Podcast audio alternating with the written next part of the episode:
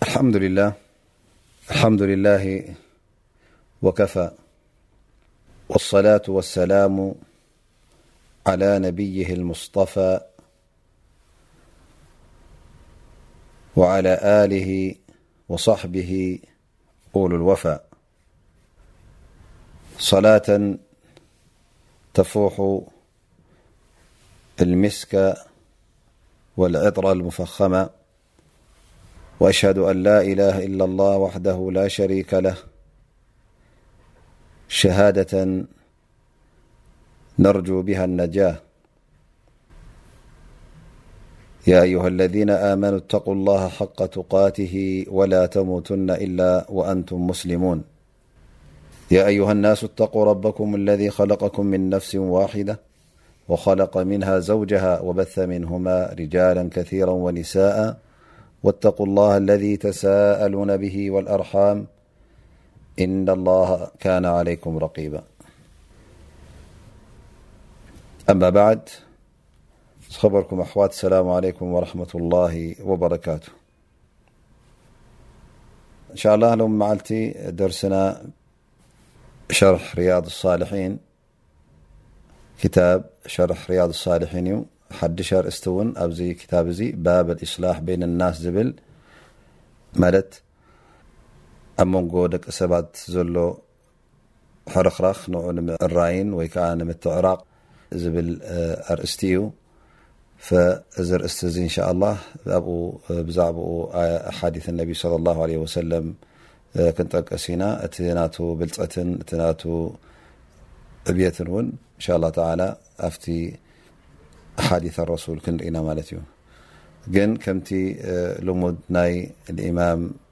النووي حد رأست جمر نكل قل آيت ون يقس آيت قرن مست حزو زل ارأست ዝخيد مت كفت آيت قص يقول قال الله تعالى لا خير في كثير من نجواهم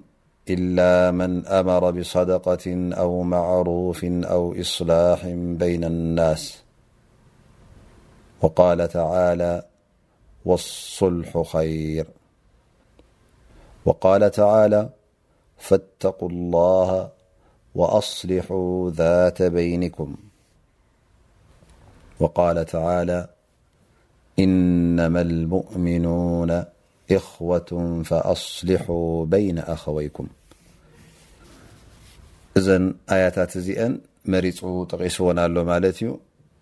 ኣብ ትሕቲ ኣርእስቲ ናይ ምንታይ ኣእቲወን? ኣብዚ ኣርእስቲ እዚ ባብ ኣልኢስላሕ በይነ ናስ ዝብል ኣልኢስላሕ በይነ ናስ ከምቲ ዝበልናዮ ኣብ መንጎ ክልተ ሰባት ይኹን ወይ ከዓ ዝያዳ እውን ክኾኑ ይኽእሉ እዮም እቶም ተገራጨዮም ዘለዉ እሞ ኣብ መንጎኦም እንተ ደኣ ፅልኢ ኣሎ ኮይኑ ነንሕዶም ዘይፋተዉ እንተ ደኣ ኮይኖም መጺኻ ነዞም ሰባት እዚኦም ከተተዓርቖም ከለኻ እቲ ኣብ መንጎኦም ዘሎ ቅርሕንትን ጽልእን ከተጻሪ እንከለኻ እንታይ ይኸውን ማለት እዩ እዚ ተተዓርቖም ኣለኻ ማለት እዩ ነንሕድሕዶም ትመልሶም ኣለኻ እዚ ከዓ እቲ ሰናይ ተግባር ይቁፅር ማለት እዩ ብዝያዳ ጠብዓ እቶም ተባኢሶም ዘለዉ ኣብ መንጎኦም ገለ ዓቢ ርክብ እንተ ኣሎ ኮይኑ ማለት ከም ኣቦን ውላድን እንተ ኮይኖም ከም ኣሕዋት እንተ ኮይኖም ሰብኣይን ሰበይትን እንተ ኮይኖም ናይ ሲለት ናይ ራሒም ርክብ ናይ ዝምድናን ናይ ሕውነት ናይ ዘርእን ካብ ሓንቲ ስድራ እንተ ኮይኖም ብዝያዳ እቲ ምትዕራቕ ነዞም ሰባት እዚኦም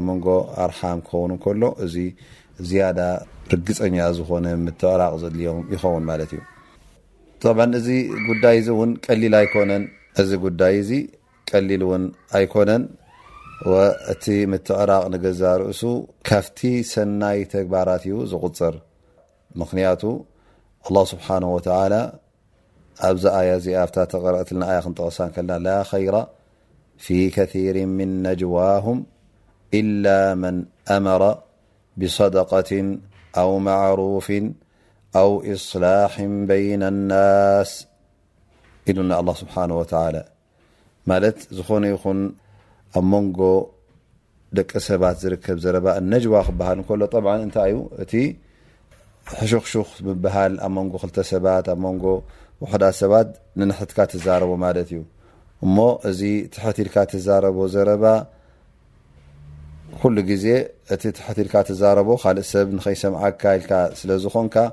እሞ እዚ ዘረባ እዚ እንተ ናይ ር እተ ዘይኮነ መብዝሕቱ ሰብ ሕሹኽሹኽ ክብል እንከሎ ገለ ሕማቕ ዝሓበኦ ክህሉ ክእል እዩ ላኪን እንተ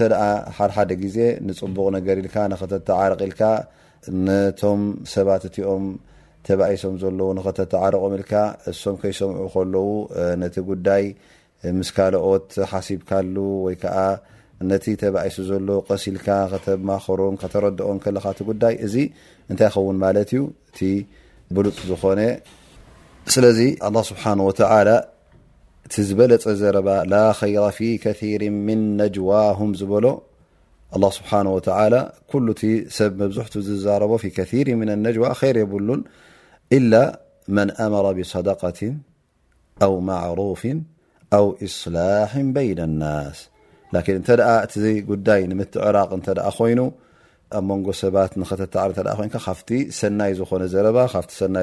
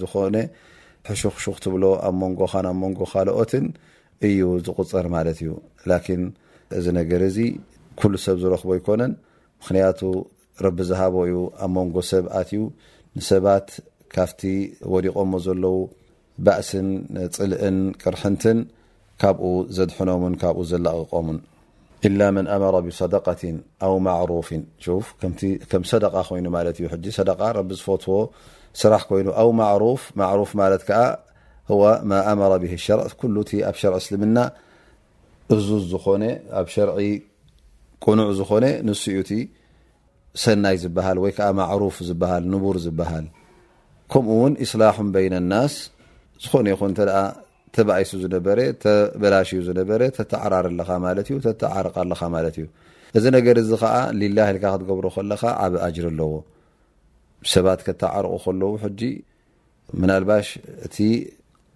ናይ ኣላህ ይርስዖ ኸውን ጥራይ እቲ እባ እንታይ ከይብሉና ኢልካ እትገብሮ እንተ ደኣ ኮይኑ እዚ ካልእ እዩ ላኪን ኩሉ ግዜ እቲ ንሰብ ከተተዓርቕ ከለኻ ተባኢሶም ዝነበሩ ናንሕዶም ክትመልሶም ከለኻ እዚ ነገር እዚ ዒባዳ ከም ምዃኑ ክትፈልጥ ኣለካ ማለት እዩ ከም ዒባዳ እውን ክትሰርሖ ኣለካ لذلك الله سبحانه وتعالى يبل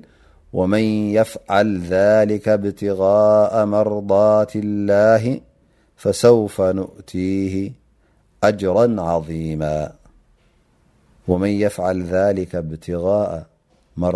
الله فسوف نؤتيه أجرا عظيما نذ نر ዝፈጸመ ናይ ኣላህ ስብሓነሁ ወተዓላ ሪዳ ፍቶት ንኽረክብ እዚ ሰብ እዚ ኣላህ ስብሓነሁ ወተዓላ ብርግጽ ዓብዪ ዝኾነ ጻማ ክንህቦ ኢና ኣብ የውም ኣልቅያማ ይብል ኣሎ ኣላህ ስብሓነሁ ወተዓላ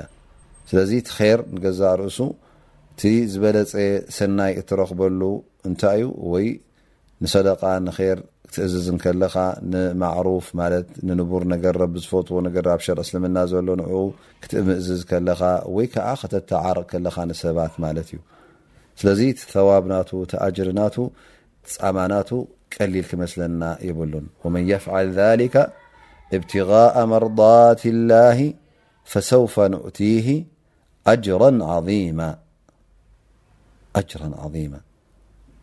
ስለዚ ቀሊል ነገር ኣይኮነን ሰብ ከም ልምዲ ከም ናይ ማሕበረሰብ ፍትው ነገር ጌርካ ትወስዶ ትኸውን ማለት ሰብ ተባኢሶም ዝነበሩ ክልተ ዕሩኽ ይኹኑ ኣቦን ወድን ይኹኑ ክልተ ኣሕዋት ይኹኑ ክልተ ኣዝማድ ይኹኑ ክልተ ጎረባብቲ ይኹኑ ዝኾነ ይኹን መቸም ነዞም ሰባት እዚኦም ተባኢሶም ክትሪኦም ከለኻ ከምቲ ናይ ባህሪ ስራሕ ኮይኑ ወይ ከዓ ከም ናይ ህብረተሰብ ስራሕ ኮይኑ ርኢኻ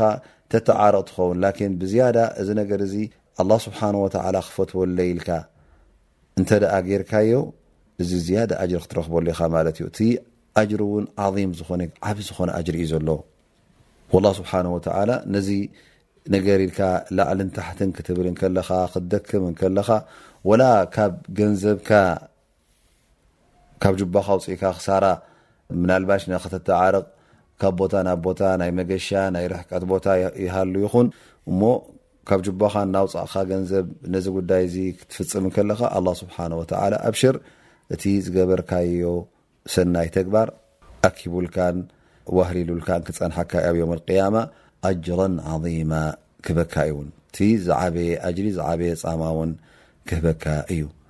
ብዝከኣለካ መጠን ውን ነቲ ሰብ ከተተዓርቆ ከለኻ ብዙሕ ነገራት ክትገልጸሉ ኣለካ ማለት እዩ ወይ ከዓ ምናልባሽ ኣብ ዘረባ ውን ምእንቲ ክተዓረቁ ኢልካ ምእንቲ ክቀራረቡ ኢልካ እቲ ዘይበሎ እንከሎ ጽቡቕ ዘረባ ከም እተዛረበ ጌርካ ንምትዕራቕ እውን ድሉው ከም ምዃኑ ተብርህ ማለት እዩ። ማለት እቲ ዘረባኻ እውን ወላ እውን ውጹእ ማለት ሓሶት ሓሶት ዘይኮነ እንታይ ይብሉ ተውርያ ትገብር ማለት እዩ። እቲ ዘረባኻ ተውርያ ትገብር። ተውርያ ክበሃል እንከሎ እቲ ዘረባኻ ነቲ ቅኑዕ ዘረባ ወይ ከዓ ትዛረብ ከለኻ ምናልባሽ እቲ ሰብ ክርድኣካ እንከሎ ብካልእ ወገን ክርድኣካ ክእል ንስኻ ግን ካልእ ነገር ደሊኻ ትኸውን ስለዚ እዚ ተውርያ ይበሃል ማለት እዩ ፈኢለ ተውርያ ክትገብር እንከለኻ ሕጂ ኣብቲ ምትዕራቕ እንታይ ትገብር ማለት እዩ እዚ ንገዛእ ርእሱ ፍቱው ይኸውን ማለት እዩ ፈእቲ ምትዕራቕ ከምቲ ዝበልናዮ በብዓይነቱ ምትዕራቕ እዩ ዘሎ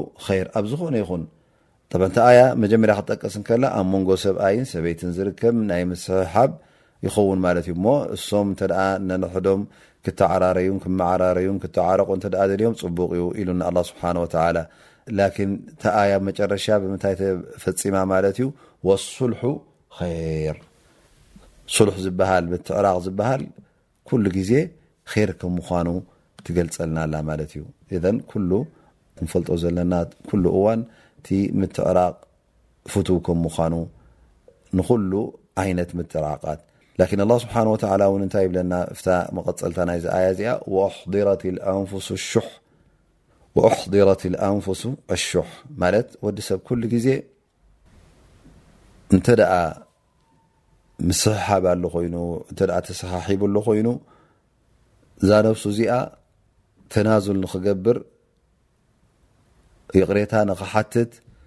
ወይ ከኣ ድሓነይ ኢሉ ሸለል ንኽብል እታ ነፍሱ ኩሉ ግዜ ተኣብዮ እያ ذ ስብሓ ል ኣሕضረት ኣንፍሱ ሹሓ ኩሉ ግዜ እዛ ነፍሲ እዚኣ ካብቲ መሰላ ካብቲ ሓቃ ገለ ክጎድላ ኣይትፈቱን እያ ላኪን እንታይ ክትገብር ኣለካ ማለት እዩ ክትቃለስ ኣለካ እንተ ናይ ዕርቂ ድልት ኣለካ ኮይኑ ናይ ዕርቂ ድልት እተ ኣለካ ኮይኑ ናይ ግድን ተናዙል ክትገብር ኣለካ ሸለል ክትብል ኣለካ ኣነ እዚ ኩሉ እእን መሰላተዩ እእዚ ናተዩ ኩሉ ክረክቦ ኣለኒ ኢልካ እንተ ጥራይ ተመሰልካ ትሓትት እንተ ኮይንካ ገለ ከይ ሸለል ከይበልካ ገለ ከዓ ከይገደፍካ እዚ ናብ ዕርቅን ናብ ስምምዕን ዘብፅሕ ኣይኮነን ምክንያቱ ወዲ ሰብ ኩሉ ግዜ ወላታ ነፍሱ ከምኡ ትበሎ ዳኣ እንበር እንታይ ክገብር ኣለዎ ማለት እዩ ምእንቲ ዕርቅን ምእንቲ ሰላምን ንክሰፍን ኣብ መንጎኡን ኣብ መንጎ ኣሕዋቱን ኣብ መንጎኡን ኣብ መንጎ ወለዱን ኣብ መንጎኡን ኣብ መንጎቶም ህብረተሰቡን እንታይ ክገብር ኣለዎ ገለ ነገራት ሸለል ክብል ኣለዎ ማለት እዩ ኩልኻ እንተ መሰልካ ብምሉእ ብምሉእ እተ ሓቲትካ ኣብ መጨረሻ ነነትሕትካ ኣብ ምስሕሓብ ጥራይ ክትተርፍ ኢኻ ማለት እዩ ሕዲረት ኣንፍሱ ሹሓ ክብለና ከሎ ኣ ስብሓ ወ ድሕርታ ወሱልሑ ኸይር ምስ በለ ማለት ኣንቱም ሰባት ተጠንቀቑ ኢኹም ደድሕርቲ ዊንታ ናይ ነፍስኹም ኣይትኺዱ እዛ ነፍሲ እዚኣ መብዝሕቲ ግዜ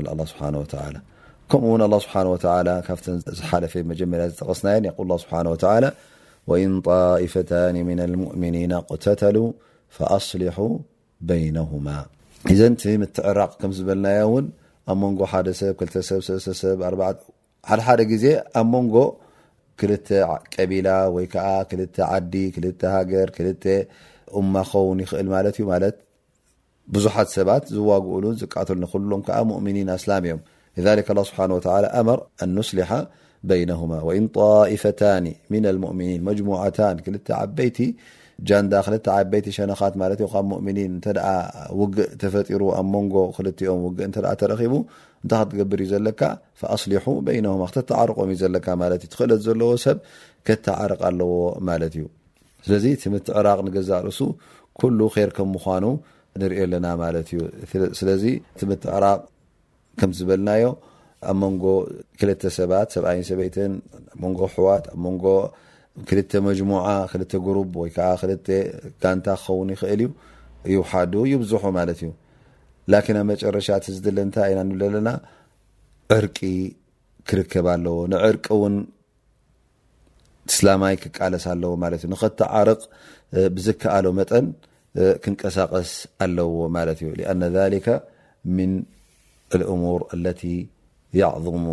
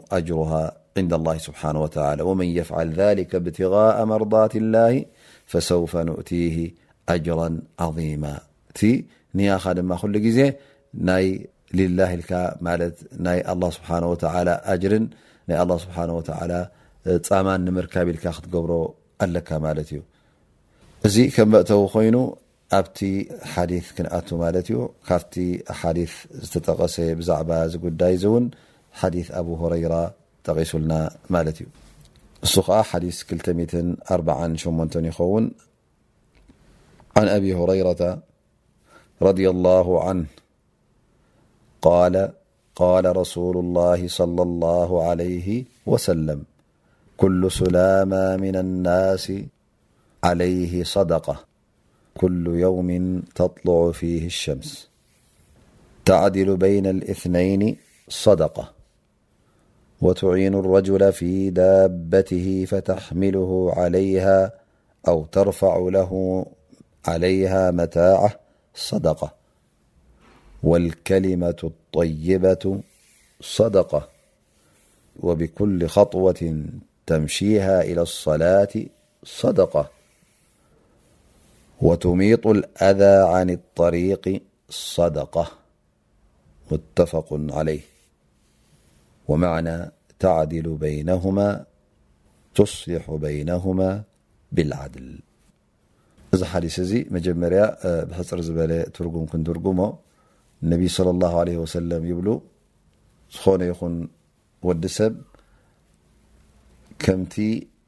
ኣብ ኣካላቱ ዘሎ መፈሰላት ወይ ከኣ መፈላለዪ ዓጽምታት ክንድኡ መዓልታዊ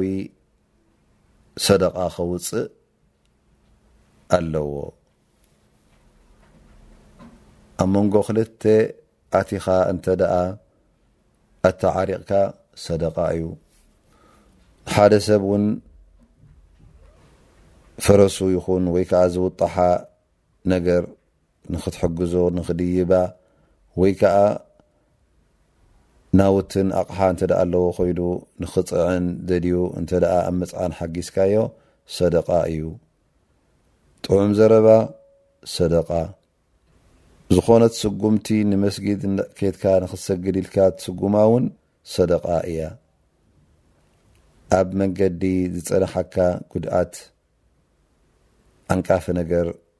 ምግላል ውን ሰደቃ እዩ ኢሎም ነቢ ሰለላሁ ዓለይሂ ወሰለም። እዚ እዩ ናይ ሎም መዓልቲ ሓዲስ እንወስዶ ማለት እዩ። ጠብዓ ከምቲ ዝበልናዮ እዚ ሓዲስ እዚ እታ ተድልየና ነጥቢ ሓንቲ ነጥቢ እያ ላኪን ሓዲስ ብዛዕባ ብዙሕ ነገራት እዩ ዝጠቅስ ማለት እዩ እዚ ሓዲስ እዚ እነቢ صለ ላه ለ ወሰለም መዓልታዊ ኣብ ዝተበራብርካሉ መዓልቲ ዝወግሓልካ መዓልቲ ክንዲቲ ኣብ ኣካላትካ ዘሎ ናይ ኣዕጽምቲ መፈላለዪ ክንድኡ ሰደቓ ከተውጽእ ኣለካ። ምኽንያቱ እዚ ኒዕማ ስለ ዝኾነ እዚ ሽሻይ እዚ ካብ ኣላህ ስብሓን ወተዓላ እተዋህበካ ክምስገን ዝግብኦ ሽሻይ ስለ ዝኾነ እሞ ኸዓ መዓልታዊ በታ ፀሓይ ዝበረቐትላ መዓልቲ ኣብታ ኣበየ ፀሓይ ትበርቀላ መዓልቲ ንኹሉ ኣካላትካ ማለት መፈላለዪ ኣዕጽምትኻ ክንድኡ ክንዲ ቁጽሩ እንታይ ክተውጽእ ኣለካ ማለት እዩ ሰደቃ ክተውጽእ ኣለካ ጠብዓን ዓደደ ሱላማ ማለት ኣብ ወዲ ሰብ ዘሎ ኣዕፅምቲ መፈላለይ ምስ መፈላለይኡ ክንደይ ይብሉ ሰለስተ ሚእትን ሱሳን እዩ ይብሉ ማለት እዩ ስለዚ መዓልታዊ ክንደይ ከተውጽእ ኣለካ ማለት እዩ ክትስደቕ ሰለስተ ሚትን ሱሳን ሰደቃ ከተውጽእ ኣለካ ማለት እዩ ላኪን ብፈድሊላ ስብሓን ወተላ እቲ ሰደቃ ካባኻ ዝድለ ናይ ገንዘብ ሰደቃ ኣይኮነን ምክንያቱ እዚ ገንዘብ እዚ ማለት እቲ ሰደቃ ገንዘብ እንተደኣ ኮይኑ እዚ ሰብ ዝኽእሎ ኣይምኾነን ነይሩ ምክንያቱ ኣብ መዓልቲ ናይ ሰለስተ ሚትን ሱሳን ሰደቃ ወላ በብቅርሺ ወይ ከዓ በብፍርቂ ቅርሺ ከተውፅእ እንተ ኮይንካ ኣይከተርክበሉን ኢኻ መብዝሕቱ ሰብ ነዚ ነገር እዚ ዝኽእሎ ኣይኮነን ዝኽእልዎ ብጣዕሚ ውሕዳት ክኾኑ እዮም ላኪን ነቢ صለ ላሁ ለ ወሰለም እቲ ዓይነታት ናይ ሰደቃ ብዙሕ ከም ምዃኑ እውን ጠቂሶምልና ኣብዚ ሓዲስ እዚ ማለት እዩ ስለዚ እቲ ሰደቃ ክንርድኦ ከለና ናይ ገንዘብ ምውፃእ ኣይኮነን እወ ገንዘብ ምሃብ ንመስኪን ምዕንጋል ሰደቃ እዩ እቲ ዝዓበየ ሰደቃ እዩ ላኪን ካልእ ሰናይ ተግባራት እውን ሰደቃ ይቁፅር እዩ ማለት እዩ ሓደ ካፍታ ሰደቃ ተጠቀሰት ሕጂ ምዛ ናይ ሎም መዓልቲ ሒዝናያ ዘለና ርእስቲ ተሳነ ማለት እዩ ንዓኣ ተጠቂሳላ ማለት እዩ ፈቃል እንታይ ኢሎም ነቢ ስ ሰለም ቃል ተዕዲሉ በይነ እትነይኒ ሰደቃ ተዕዲሉ በይነ እትነይኒ ሳደቃ ክልተ ሰባት ተባኢሶም እንተ ደኣ ቀሪቦምኻ እሞ እስኪ ፍረደና ኢሎም ንኽትፈርዶም እንተ ደኣ ተሰሓሒቦም መፂኦምኻ ነዞም ሰባት እዚኦም ብፍትሒ ክትፈርዶም ከለኻ ፍትሒ ክበሃል ከሎ ከዓ ምስቲ ሸርዒ እስልምና ምስቲ ናይ ኣላ ስብሓን ወተላ ሸርዕን ናይ ነቢና ሙሓመድ ለ ላ ለ ወሰለም እውን ትእዛዛትን ምስኡ ዝወሃሃት ኮይኑ ምስኡ ዝላገብ ኮይኑ ምስኡ ብኡ ተቀየደ ክኸውን ከሎ እሱ እዩ ፍትሒ ዝበሃል ማለት እዩ ላኪን ካብ ሸርዒ ዝወፀ ጌርካ ክትፈርዶም እንተ ኮንካ እዚ ዓመፅን ካብ መገዲ ዝወፀ ፍርዲ እዩ ማለት እዩ ስለዚ እብሉ እቶም ዑለማእ ንገዛእ ርእሶም እዚ ሕግታት ዝግበር ኣብ ዝኾነ ይኹን ዓዲ እንተ ርኢናዮ ወዲ ሰብ ባዕሉ ብኢደ ወነንኡ ዝገብሮ ዘሎ ሕግታት ከም ድላዩ ዝለዋወጦን ዝቀያይሮን ሎም ዘበን ገለ ንዓመታ ገለ እዚ ኣባ ከምዚ ንግበርና እናገበሩ ዝቀያይርዎ ዘለዉ ካብ ሸርዒ ዝወፀ እንተ ኮይኑ እቲ ትሕዝቶ ናይዚ ሕጊ እዚ ዓመፀኛ ሕጊ እዩ ዝበሃል ንኣንበር ፍትሓዊ ሕጊ ኣይበሃልን እዩ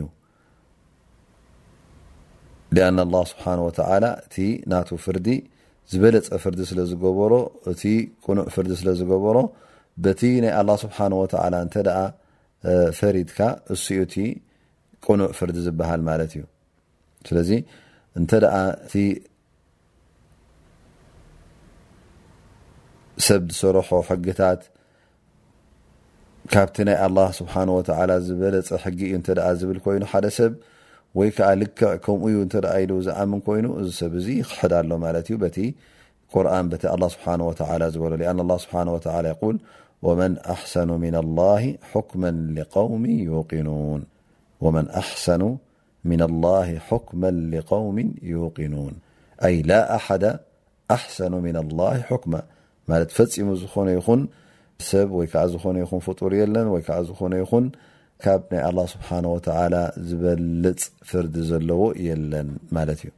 ስለዚ እንተ ደኣ ልብኻ ድፉን ኮይኑ ልብኻ ዒሩ ኢኻ ነቲ ናይ ኣላ ስብሓን ወተላ ፍርድን ናይ ኣላ ስብሓን ወተላ ትእዛዛት ገዲፍካ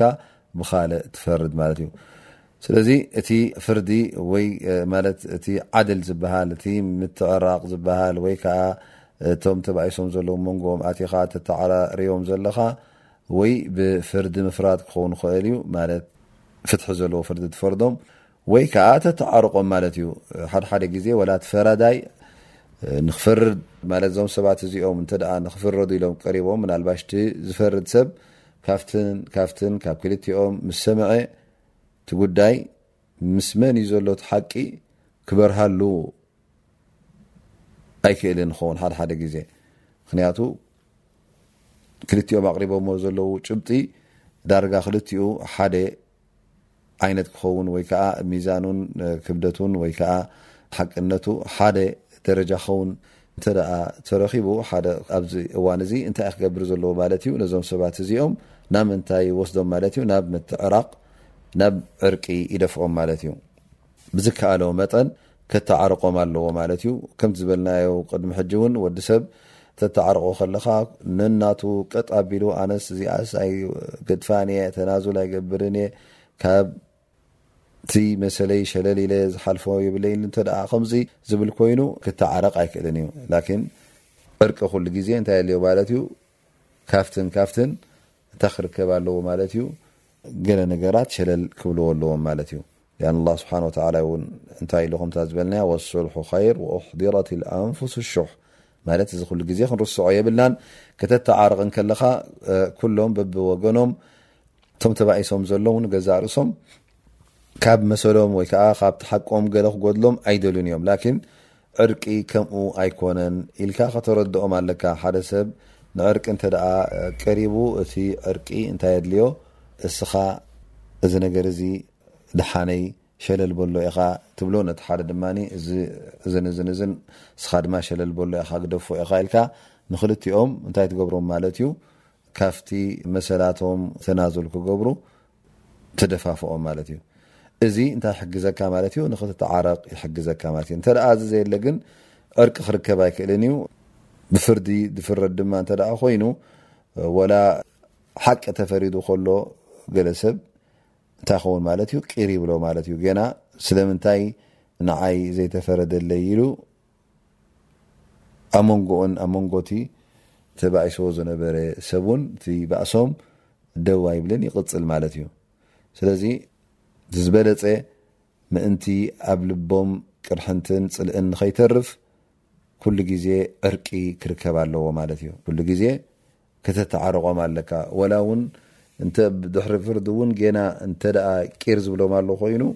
እቲ ህብረተሰብ እንታይ ክገብር ኣለዎ ነዞም ሰባት እዚኦም ከተዓርቆም ኩሉ ግዜ ክፈትን ኣለዎ ማለት እዩ እዚ ንገዛ ርእሱ እንታይ እዩ ካብቲ ሰደቃ ይኸውን ማለት እዩ ሓደ ዓብይ ሰደቃ ኢካ ትገብር ዘለካ ሊኣኖ ሊላህ ስብሓን ወተዓላ ትገብሮ ስለ ዘለኻ ስለዚ እዚ ሓዲስ እዚ ብልፀት ናይ ምትዕራቅ እዩ ዘርእየና ዘሎ ማለት እዩ እዚ ነገር እዚ እውን ንስኻ ኣጅሪ ትረኽበሉ ከም ምዃንካ ሓደ ካብቲ ሰደቃ ክተውፅኦ ዘለካ ዋጅባት ኣላ ስብሓን ወተላ ዝኣዘዘካ ነቲ ኣካላትካ እቲ ሰላሳ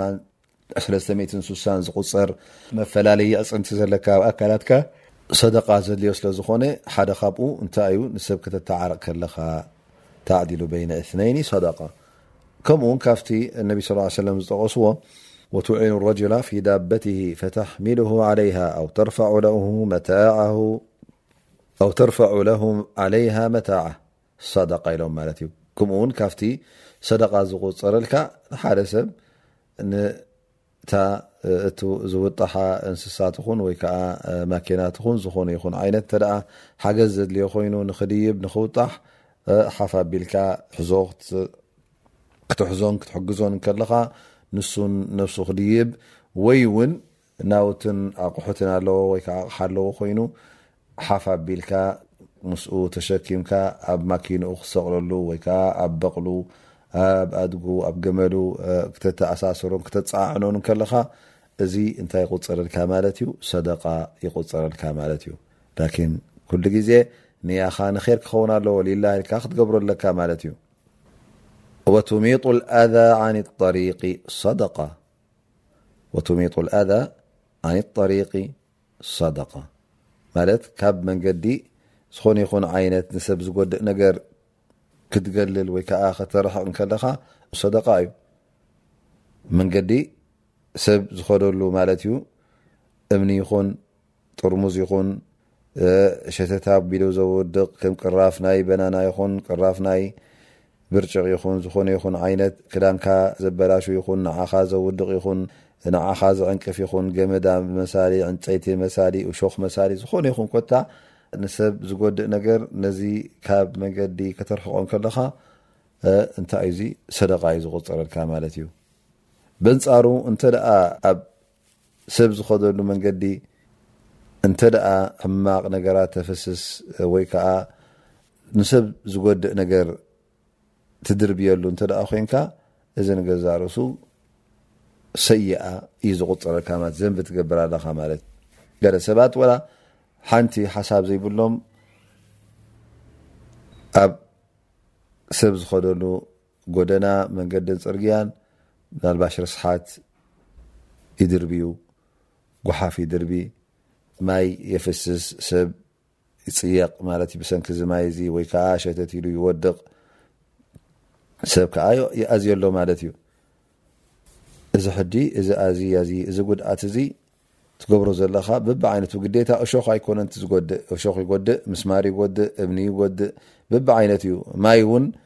ኣፍሲስካዮ እንተ ንሰብ ዝፅይቕ ኮይኑ ሸተት ኣቢሉ ዘውድቕ እውን ክኸውን ይኽእል እዩ ስለዚ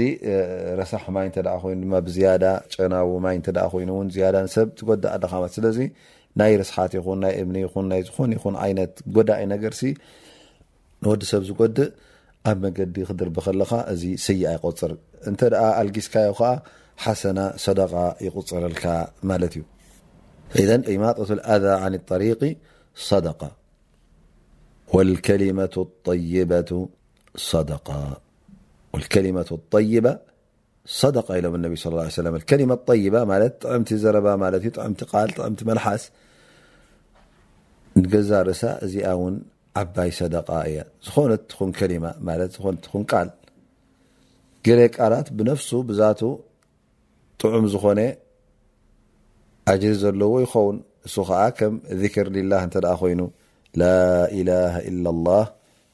ከም ዝኣመሰለ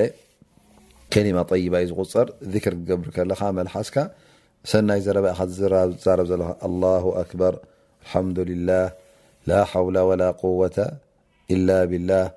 ቁርን ምቕራእ እዚ ኩሉ እንታይ እዩ ኣዝካር ከሊማ ጠይባ ሰናይ ጥዑም ዝኾነ ዘረባ እዩ ማለት እዩ እቲ ዝለዓለ ጥዑም ዘረባ ከዓ እቲ ቁርን እዩ ኣፍደሉ ዚክር ቅራኣት ቁርን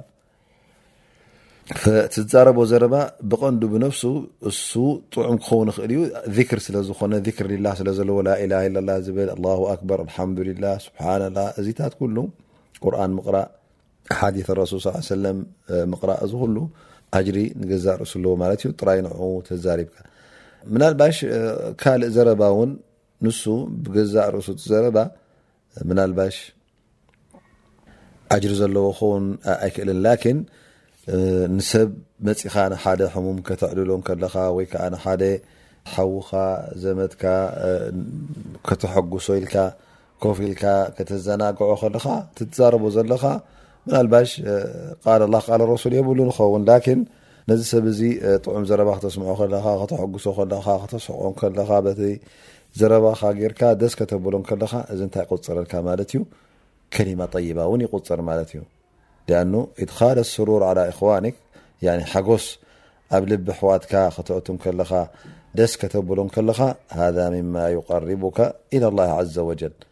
እዚ ናብ ኣላ ስብሓን ወተዓላ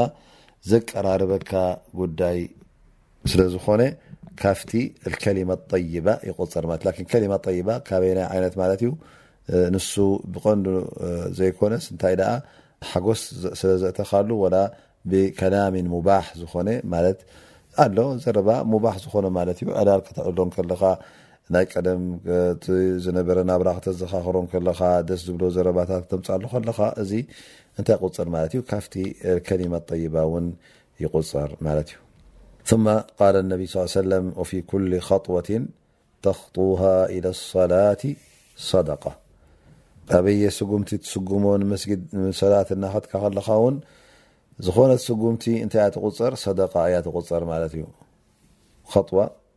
ተኽጡሃ ኢለ ሰላ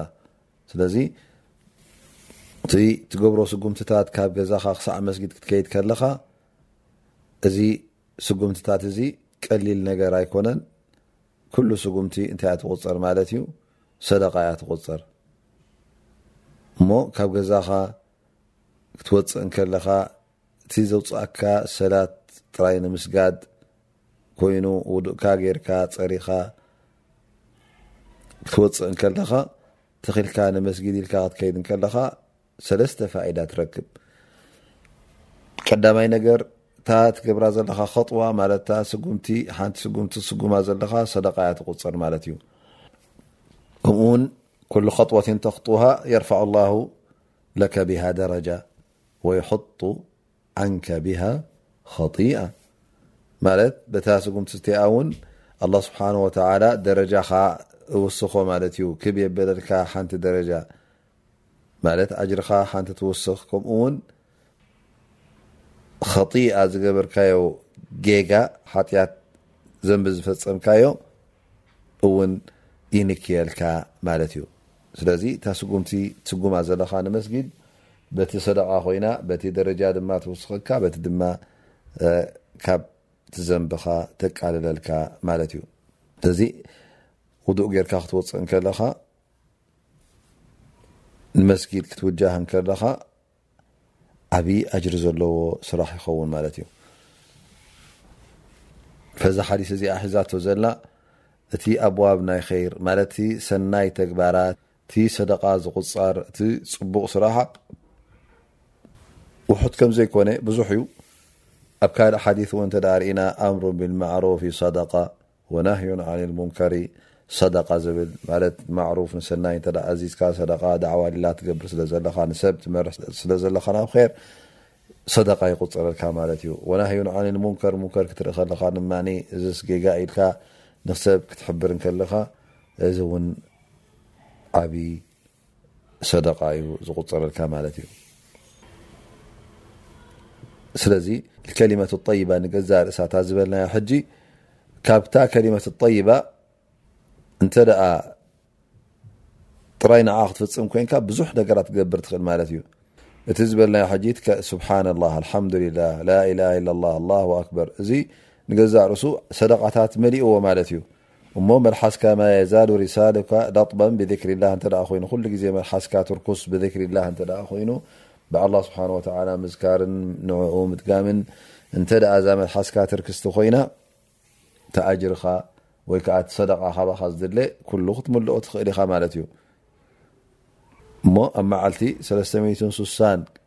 ብኸምዚ ዓይነት ሰደቓታት ንኸተውጽእሲ ከቢድ ኣይኮነን። ተበሱሙከ ፊ ወጅሂ ኣኺካ ሰደቓ ንሓውኻ ንእስላማይ ርኢኻ ጥራይ ፍሽኽ ክትብለሉ ከለኻ እዚ እንታይ ዝቑጽር ማለት እዩ ሰደቓ እዩ ዝቑጽር። ሰላሙ ዓለይኩም ኢልካ ክትኣቱ ከለኻ ገዛኻ ሰላሙ ዓለይኩም ኢልካ ንሰብ ክትረኽቦ ከለኻ ሰላም ክትብሎም ከለኻ እዚ ኩሉ ካብቲ ከሊመት ጠይባ ካብቲ ሰናይ ዘረባ ስለ ዝቑጽር ሰደቓ እዩ ዝቑጽረልካ ማለት እዩ። ስለዚ ክቡር ሓው ክብርቲ ሓፍቲ ኣብዋብ ናይ ር ሰናይ ተግባራት ናብ ር ዝምርሕ ብዙሕ እዩ ስለዚ ትዝከኣለና ክንፍፅም ኣለና ማለት እዩ ዘየድክም ነገራት ኣሎ ላን ንሕና ከየስተውዓልናሉ ይሓልፈልና ማለት እዩ እምበረይ እዚ ናይ ኣዝካር እዚ እዚ መልሓስካ እዚ ጽቡቕ ዘረባን ጽቡቕ ኣመል ናይ ዚክር ንኽህልዎ እዚ እቲ ዝበለጸ ስራሕ እዩ። ጓል ኣንስተይቲ ወላ ኣብ ገዝኣ እናሰራሐት እንከላ ወላ ውን ኣብቲ ክሽነኣ እና ሰረሐት እንከላ እና ሓጸበት እንከላ እና ኣስታረረት እንከላ መልሓሳ ጽቡቕ ዘረባ ወይ ከኣ ጽቡቕ ዚክር እናገበረት ስራሓ ክትቅጽል ትኽእል እያ። ወተባዕታይ ከምኡ ውን ወላ እና ከደ ከሎ ካብ ስራሕ ናብ ስራሕ ካብቲ ገዝኡ ንስርሑ እናኸደ ከሎ ኣብ መንገዲ ፍርቂ ሰዓት ርብዒ ሰዓት ክሳዕ ሰዓት ዝጓዓዝ ሰብ ኣሎ ንስርሑ